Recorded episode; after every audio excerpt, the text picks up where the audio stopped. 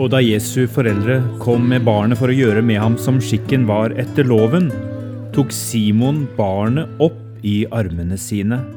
Lukas 2, 27. Maria nikket til sin slektning Elisabeth. Jeg tror det var klokt av Gud å la gjeterne komme først.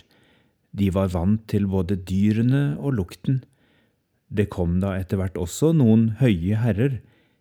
Frelsen er for alle slags folk men de vise slapp å hilse på dyrene, smilte Maria.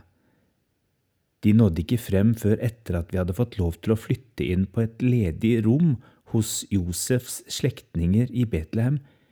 Du vet, det tok tid å få i orden dette med innskrivningen.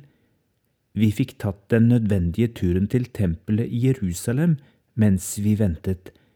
Det er ikke lange strekningen, dere ville bære Jesus fram for Herren, nikket Elisabeth. Og vi måtte bringe det offeret som loven påbyr, sa Maria. På tempelplassen, hvor vi stilte oss opp for å kjøpe to dueunger, sto han der plutselig og spurte om han kunne få holde barnet. Hvem? sa Elisabeth. Simon, en gammel mann som fortalte at han hadde ventet på dette øyeblikket i mange år Ånden hadde fortalt ham at akkurat denne dagen skulle det skje. Hva skulle skje? maste Elisabeth.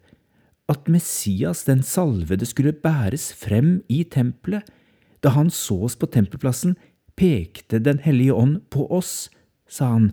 Den han hadde ventet på, lå i mine armer. Tenk at han kunne vite dette, sa Elisabeth. Gamle Simon er en av de mange Gud har sendt i vår vei for å minne oss om vår sønns identitet. Slik er vi blitt skjøvet videre, sa Maria.